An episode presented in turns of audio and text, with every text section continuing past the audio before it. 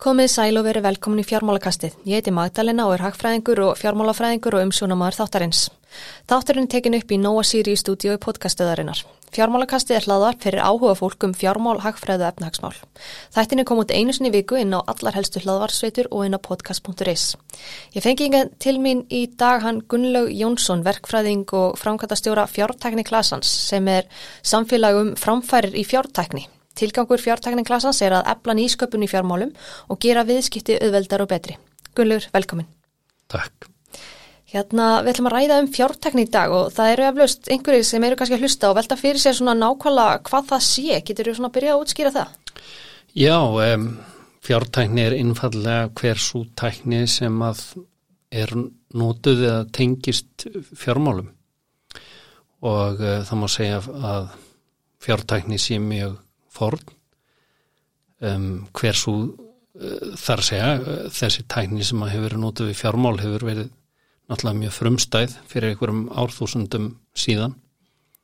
Ég sýnist undum í svona glæru sjói sem að ég með mynd af 6.000 6 ára gammalli lertöflu sem að var kvittun fyrir viðskipti með uksa og það er mér að segja talið að að upphafriðlistar tengist jafnvel bókaldi og slíkum hlutum og, og þetta kúniform letur í Mesopotamíu hafið þróast. Út, út frá því að byrja að vara svona þrýsta uh, steinvölum sem voru í lægin eins og mismunandi hlutir sem var að verða eiga viðskipti með ofan í leirin þannig að tæknin hefur þróast og um, síðan komu peningar og síðan komu seðlar og og uh, síðan kemur tölvutæknin og hún breytir hans miklu en reyndar í mildtíðin voru einhvers konar tæki nótuð. Fólk mann eflaust en þá og það eru en þá til myndtalningarvélar og, og, og slíkir hlutir, sæðlatalningarvélar, uh, vélar til þess að eiga við ávísanir og alls konar slíkar hluti en þetta er allt búið að breytast verulega á síðustu árum þannig að öll þessi tækni er komin mjög mikið í, í síma á internetið og um, þetta er í, til dæmistækni sem hann tengist greiðslum en er alls ekki bundi við það. Þetta getur um, tengst uh, fjármögnun af einhverju tægi, lánum um, þetta getur tengst uh, skipula í fjármála. Meninga er til dæmis ágætið stæmi um uh, fyrirtæki sem að hjálpar fólki að skipula ekki fjármálinn sín Um, við erum með mjög mörg fyrirtæki í klassanum sem gera mismöndi hluti. Það eru eitt fyrirtæki heitir Pay Analytics og er að jafna launamenn kynjana mm -hmm. og það tengist náttúrulega fjármálum, það tengist þeim uppæðum sem að fólk er að fá greitar í laun og uh, já, þannig að fjártækni er það, hver svo tækni sem tengist fjármálum Nákvæmlega. og peningum. Hérna, en hvað gerir þið hjá fjártækni klassanum? Hver er svona ykkar helstu verkefni? Það sem við gerum er að, uh, já, í fyrsta lagi við uh, reikum nýsköpunarsetur og það er svona hjartað í starfinu. Við erum með svona, já, all marga meðlimi klassans þar sem að yfirleitt eru nýsköpunarfyrirtæki en líka önnur fyrirtæki úr svona fjártækni vistkerfinu. Þannig að það eru fyrirtæki líka sem eru stóðfyrirtæki. Um, og uh, það verður svona, já, tölvert hjarta eins og ég segi í starfinu að það koma margir gestir uh, sem að kannski eru að heimsækja annarkort bara klasan almennt, okkur sem að störum hjá klasanum og eða þá þessi fyrirtæki sem að eru hjá klasanum og, og þessi gestir þeir rekast á marga aðra fyrirtækin sem að eru aðna inni, þau hefur mikil samskipti sín á milli. Þannig að það er mjög margt gott sem kemur út úr því. En og það hendar mjög vel sem miðbúndurinn í okkar heildarstarfi sem er að tengja saman fjártækni vistkerfið á Íslandi allt saman. Við erum með um það byl já 90 til 100 aðila aðklasanum sem eru bæði nýsköpunum fyrirtæki í fjártækni og bankar, tryggingafélög, um, háskólar og ímiskonum fyrirtæki í, svona vistkerfinu og við höldum utan þess að vera með þetta nýsköpunarseitur höldum við viðburði þar sem að þessir aðalar koma saman.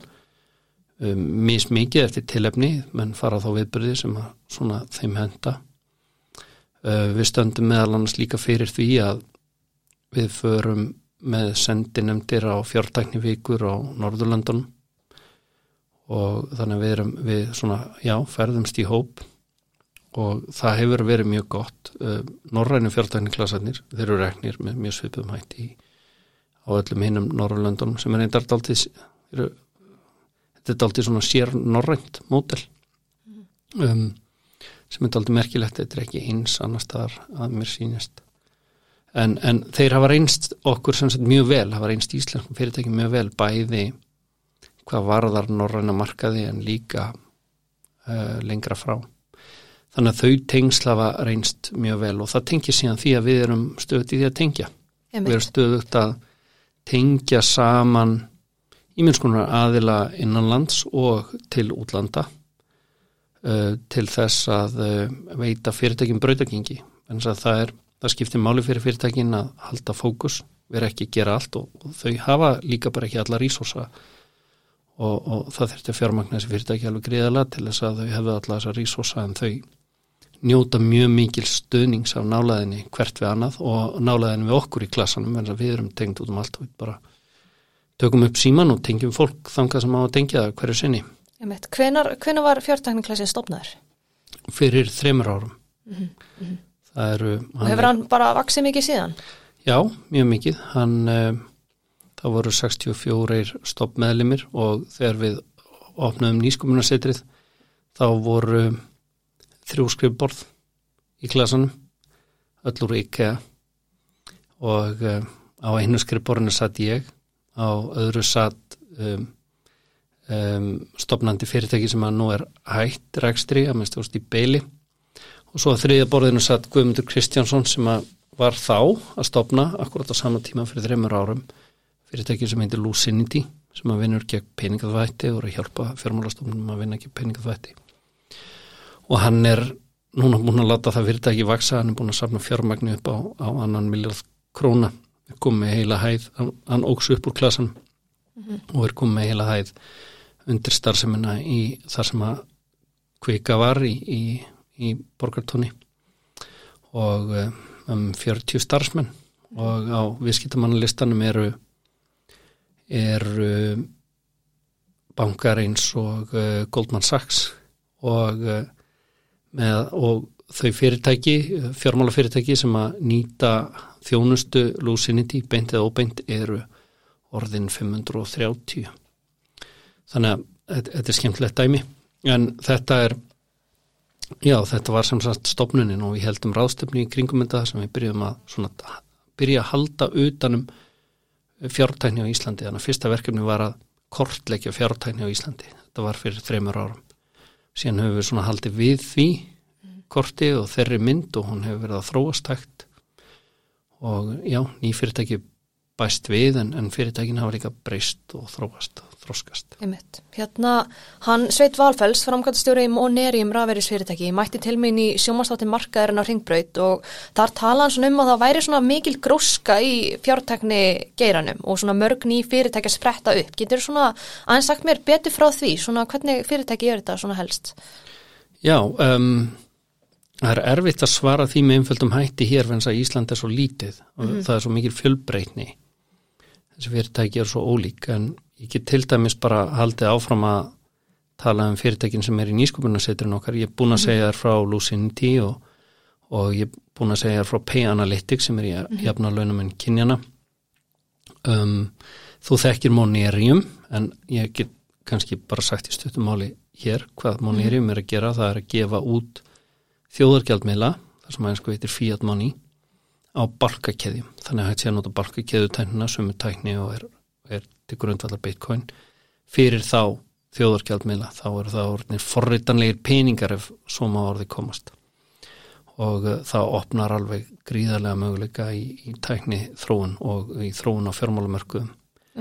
Og um, þannig að Ómón er ég með fyrsta fyrirtæki í heiminum til þess að hljóta starfsleifi sem raveris fyrirtæki sem gefur út mhm. peninga á barkakeðjum og er með fullan forða uh, þar sem geymir alla sína peninga.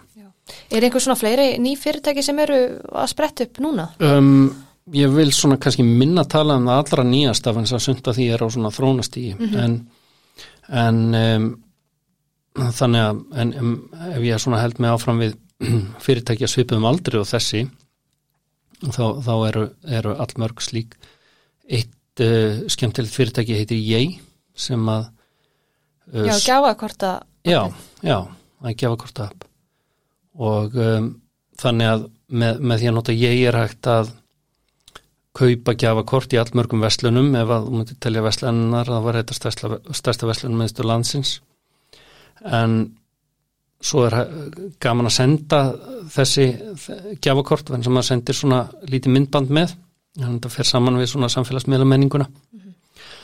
og síðan er eftirmarkaður með gjafakortin það er þetta að kaupa og selja og uh, síðan hafa fyrirtæki mjög mikið verið að nota þetta til dæmis fyrir starfsmenn sína eða fyrir viðskiptamenn.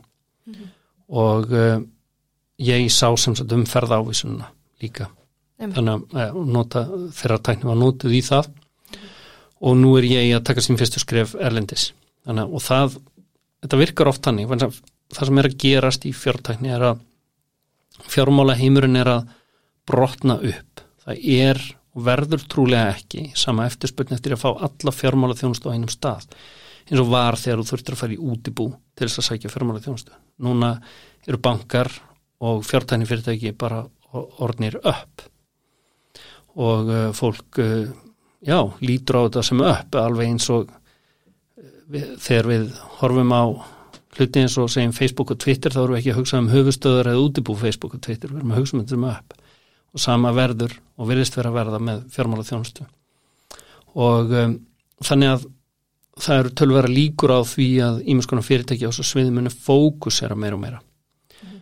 og í stað þess að vera að veita allega þjónustu þó að mörg kannski geti saman samanst um að veita margskonar þjónustu. Og um, þannig að það, það, það virðist vera ágætt mótil að að fara á staða á Íslandi eins og ég til dæmis hefur gert.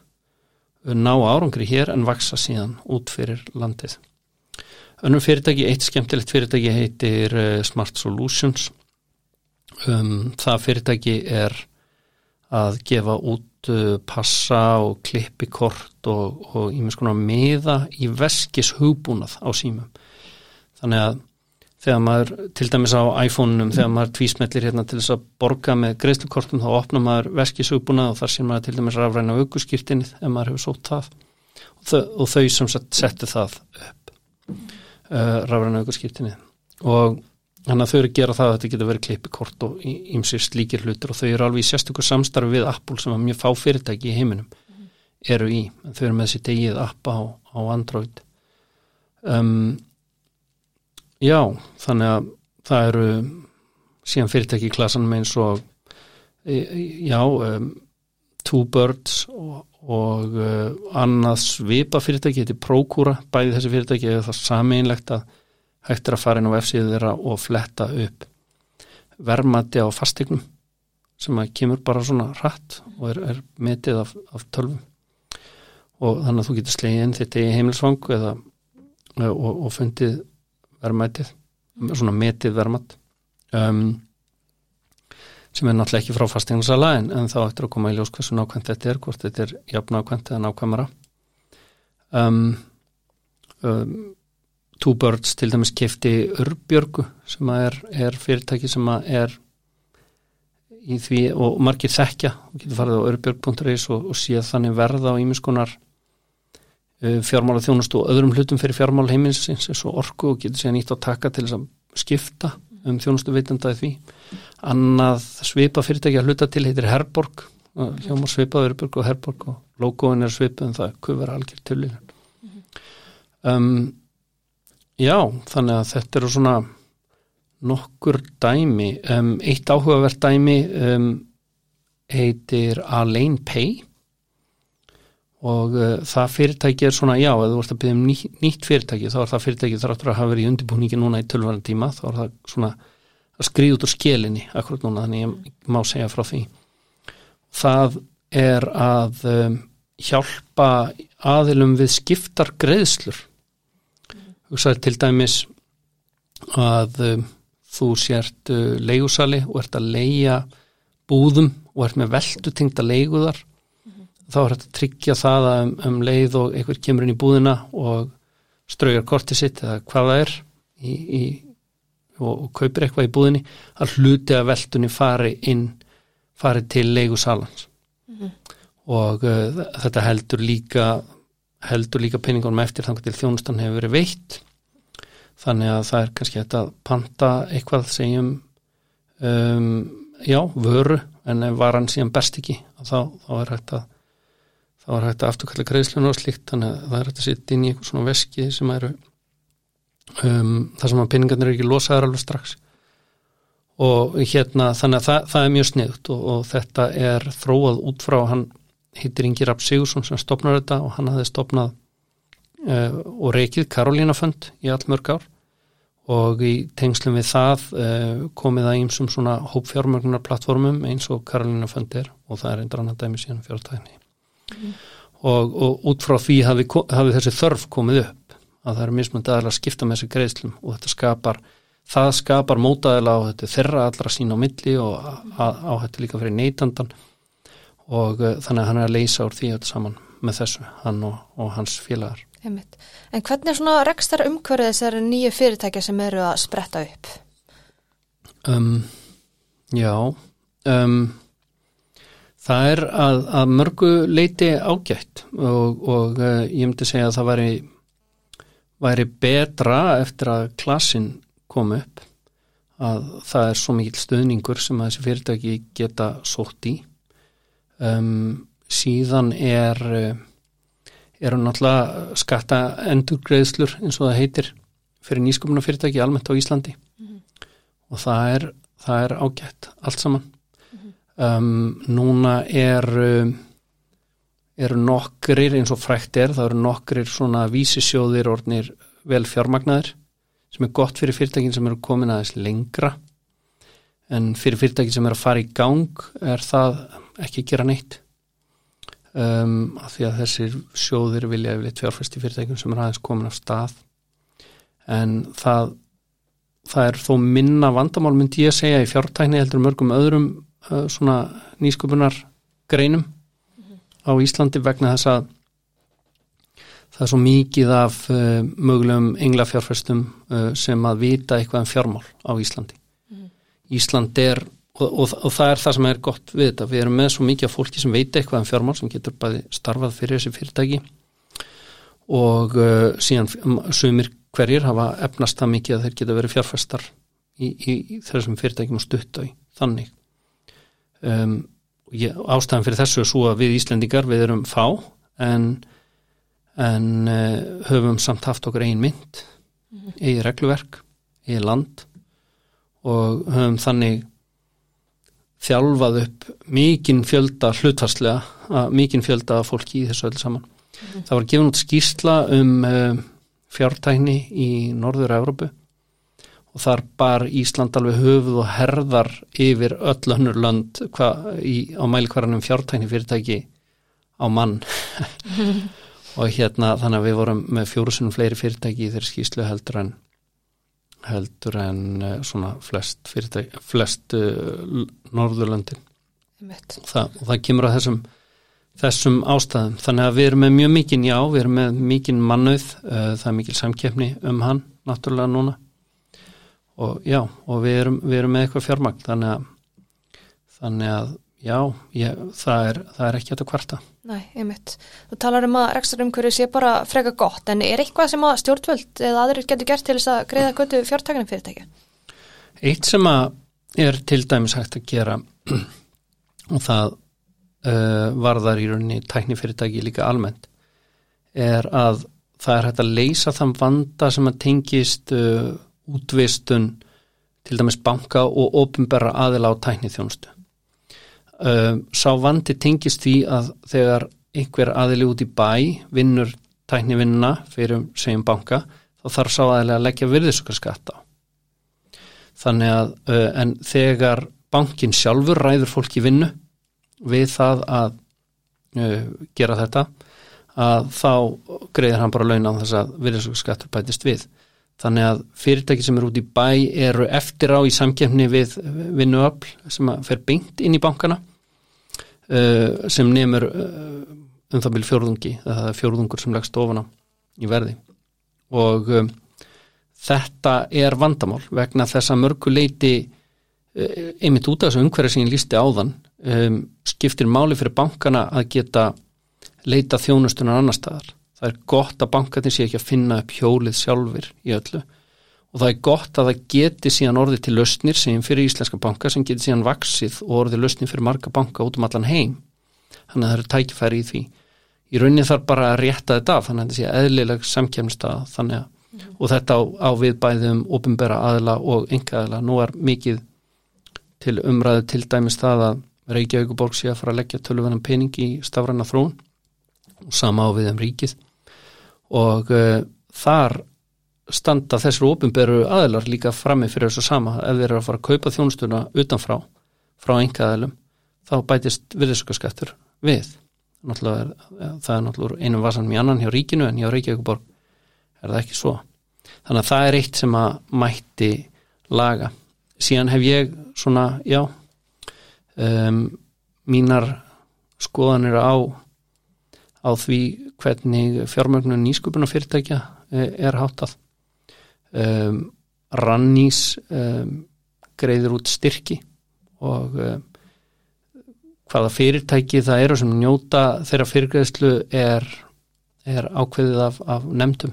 Já, hinn ofinbera þar sem að í nefndunum sitja já, ímiskunar aðilar sem að sem að langfæstir hafa einhverja reynslu á nýsköpun og um, margir uh, svona eru stundum hissa á því hvaða fyrirtæki til dæmis fá ekki fyrirgreðslu með þau sem er að fá fyrirgreðslu með þeim hætti. Og uh, þetta er náttúrulega ekki eins og það að vera. Það er þannig að fólk ætti að vera að uh, það er miklu skinsamlegar fjármagnir farið með þeim fyrirtæki sem fá fyrirgreðslu frá einhverjum sem er að fara með sína eigin peninga. Og uh, þannig að ef það er verið að verja peningum í þetta á annar borð þá sé það frekar gert eins og hefur gerst annar staðar að það komi til dæmis bara krónu á móti krónu upp að einhverju ákveðinu hámarki til nýskupna fyrirtækja sem eru að sapna fjármagnir frá enga aðilum mm -hmm. og það, það er miklu skinsamlega þá er fólk að, að taka á hættu með sitt eigið fjö og, og við erum ekki búið til einhverja elítu sem að fer með fjármagn almennings og um, þannig, þannig að það verður mun betra. Það er einhver slík hugsun á bakvið uh, krí mm -hmm. uh, en en það er á allt öðru stí það er miklu setna í ferlinu og það vil svo til akkurat núna þegar kría kemur fram.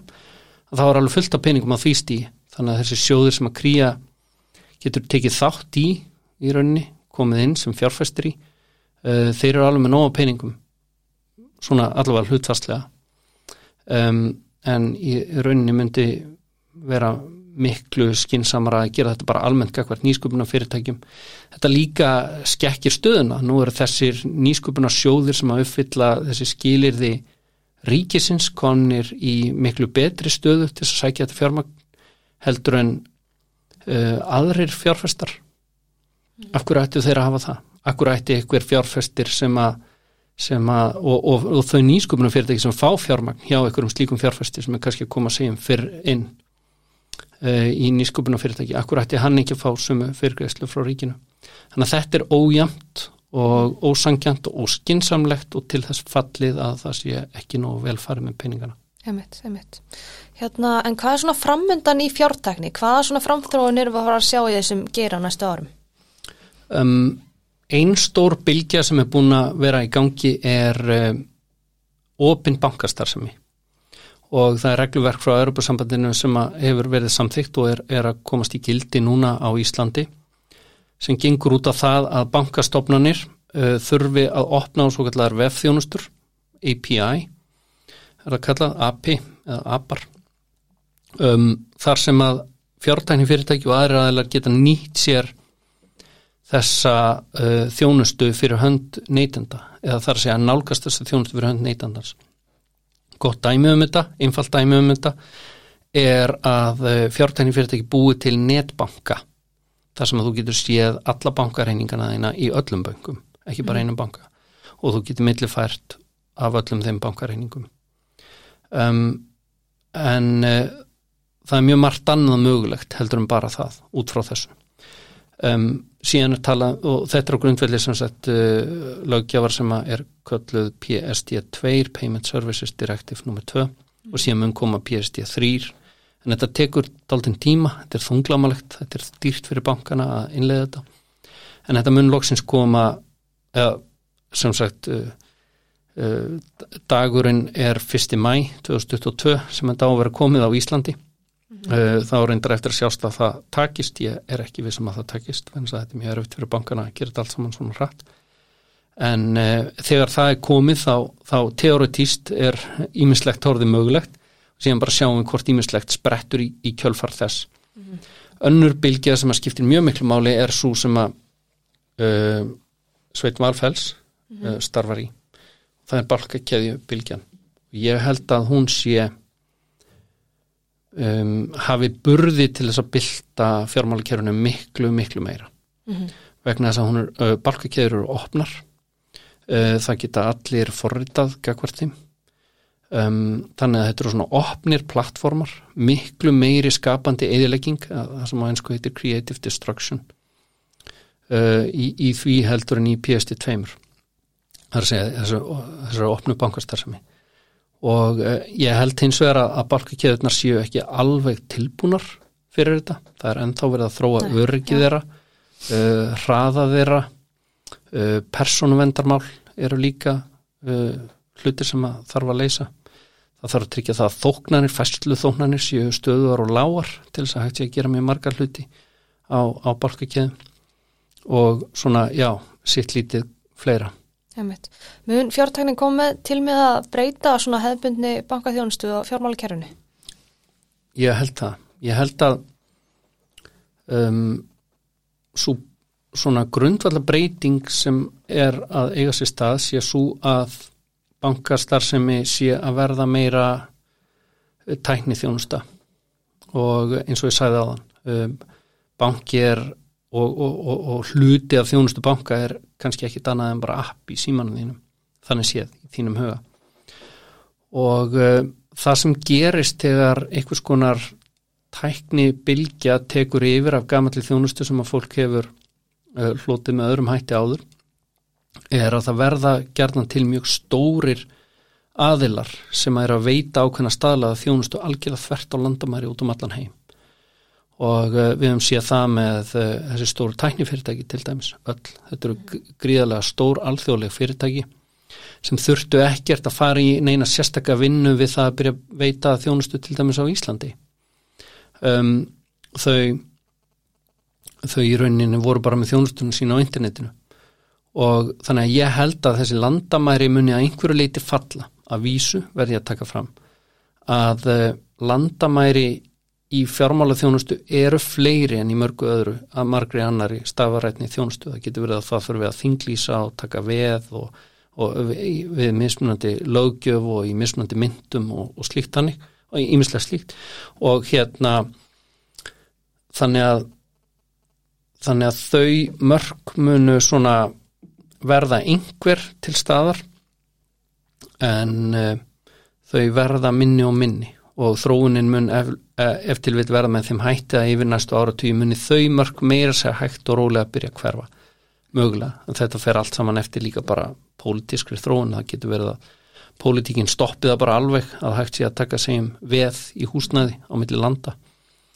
Og uh, síðan skipta myndirna líka máli og hvernig þróun þeirra verður, hvort uh, fólk muni saminast um, um fáar eða eina mynd eða hvort það veri margar myndir í gangi uh, hvort það verður sama tækni undirliggjandi eða möllum eða, eða mismandi tækni og svo framvegs þannig að, þannig að ég held að breytingin sé einmitt svo að þetta sé að fara að brotna miklu meira upp. Mm. og uh, banki til dæmis geti ekki eins og banki í gamla dag á Íslandi bara svona já, slakað á eða notið samkjæfnishindranina sem fælst í því að hann starfar á Íslandi undir íslensku regluverki. Og það er hérna hafi kringum okkur og mm. sér tungumál og sér lögjöf og sér mynd þessi hlutir munu gera uh, þessi hlutir munu fara og það verður mun erfiðar að reyka bankana þannig og líkillina árangri held ég að verði meir og meira að fókusera á eitthvað sem maður gerir vel sérstaklega vel og ná að standa sér í alþjóðlegri samkeppni í því. Einmitt. Eins og segir mikið að breytingum í farvatninu en það eru eflust margir sem er að hlusta og vilja svona fræðast meir um fjártakni er eitthvað svona lesefni eða fræðsluefni sem þú mælir með fyrir fólk sem vil kynna sér þessa hluti? Um, já, það eru einhverja skýslur til dæmis inni Mm. á fjártækniklasin.is um, það er líka ágætt að skoða síðun okkar og sjá hverjir aðilar eru að klasan og oft er bara gott að smetla á þessu fyrirtæki og sjá það sem þau eru að gera. Þau eru, oft með, eru oftast með efni um það sem þau eru að gera. Ég mæli líka með því að fólk reyna að fylgjast með fjártækniklasanum og, og uh, mæta á viðbyrðu og fylgjast með þeim. Sjá svona ímislegt sem er í gangi. En þetta er þannig að bækur sem eru skrifaðar um þetta úreldast mjög fljótt. Já, og uh, þess vegna einmitt skiptir þetta starf svo miklu máli, það er gott að nota þetta starf til þess að fylgjast með því sem er að gerast. Einmitt. Hérna, ég reynir svona oftast að enda þáttin á svona léttari og persónlegu nótum þannig kannski spyrjiði bara svona hvað er þetta skemmtilegast að gera þetta vinnu? Um, Já, það er nú það. Um, Mér finnst skemmtilegast að um, vera með börnunum mínum. Já, og til dæmis, já, spila spil eða fara með litlu minni sem er sjö ára og hérna sitta flugdrega á lofti eða á veturna, við förum á sleða og, og slíkt. Og hérna, já, eldri börnin um, ég tala meira við þau og dýbra, það er mjög gaman að, Mhm. að fylgjast með þeirra pælingum og, og svona reyna að leggja eitthvað gott til. Það er ekki útilokað að sé eitthvað að viti sem ég geti sagt. Þannig að já, þetta er þetta er að skemmtilegasta. Já Hérna, en ef þú ættir að mæla með einni bók þarf ekki að vera endilega um fjártakni fyrir hlustendu fjármálakassins, hvaða bók væri það? Biblían. Já. Ok, einhverja fleiri? það er heilmikið um fjármál í biblíinu annars Já, ok. en hérna, já, já. Já, mm, og hérna, já, peningar eru oft notaðir í dæmisögum. En hérna en þú baðst um, um en þú, þú baðst um bók sem ekki endilega tengtist fjártækni en uh, já, ég mæl með biblíinu verðs að hún er, hún er uh, ég held að hún sé um, já, grundvellur uh, góðs uh, lífs og góðs sálarlífs okkar og rauninni grundvellur allrar vestrætna síðmenningar og allara þeirra mannréttinda sem hafa þróast hérna á Vesturlöndum og breyðst út um heiminn út frá Vesturlöndum út af þessum ströymum ágætt dæmi um það er að þrælahald var aflagt mikið til fyrir kristin þrýsting um, en það er svo margt margt fleira og þetta er bara topprunni og ísjökanum sem ég er að nefna núna. Þetta er djúftu kristi sálarlíf held ég að sé, sé mjög uh, gott fyrir okkur öll. Um, annars mæli ég með um, já, hvað skal segja? Um, um, ég get mælt til dæmis með bókum Jordans Petersons sem kom hérna til Íslands fyrir nokkrum árum síðan þar sem að uh, ég var svona, já, uh, fremstur flokki þeirra sem að buð honum yngað og hann held uh, tvo fyrirlestra í hörpu. Hann er hann hefur komið nýja bók með nýjum tólf lífsreglum en, en áður var hann með með 12 reglur í, í fyrir bókinni sinni. Þannig að það eru, það eru mjög góða bækur svo dæmis í tekið. Einmitt. Er svona eitthvað að lókum sem þú vilt koma framfæri? Var þetta í fjártakni, einhver svona loka orð? Svona eitthvað sem þú vilt draga fram? um, Já, ég held að ég hafi svona, já, talað um allt það allt það helsta. Ég, ég vil kannski bara hvetja fólk sem að er er uh, til dæmis starfandi í fjármálageranum að, að uh, átta sig á því að að það geti verið skinsamlegt að huga að því hvernig það geti orðið hluti af þessari sögu. Um, það eru mjög margir sem að hafa mjög mikla hæfileika á þessu sviði. Það er ekkert uh, örugt að fólk uh, fái að starfa í, í svona í þessum gamla heimi í óbreyttir mynd. Og það kann að vera meira örgi í fólkið að reyna að sjá daldi breytingarnar og taka þátt í breytingunum fremur en að, að vinna gegn þeim. Og um, þannig að fólk sem er kannski að vinna að, að tilteknum málum innan banka til dæmis um, það mætti til dæmis hugsa um það hvort að það mætti vinna áfram í samstarfi við þessa banka að sömu málaflokkum en þá kannski með einhverjum hætti sem passa betur inn í þessa mynd sem ég er að lýsa það sem allt menn svona brotna upp. Einmitt. Gullur, takk að kella fyrir komuna. Takk. Fjármálakasti verður ekki lengri í dag en ég vil þakka ykkur kærlega fyrir hlustunina og vil minna ykkur að fylgja fjármálakastinu á Facebook og Instagram en þar koma allar upplýsingar um nýjistu þættina. Verðið sæl.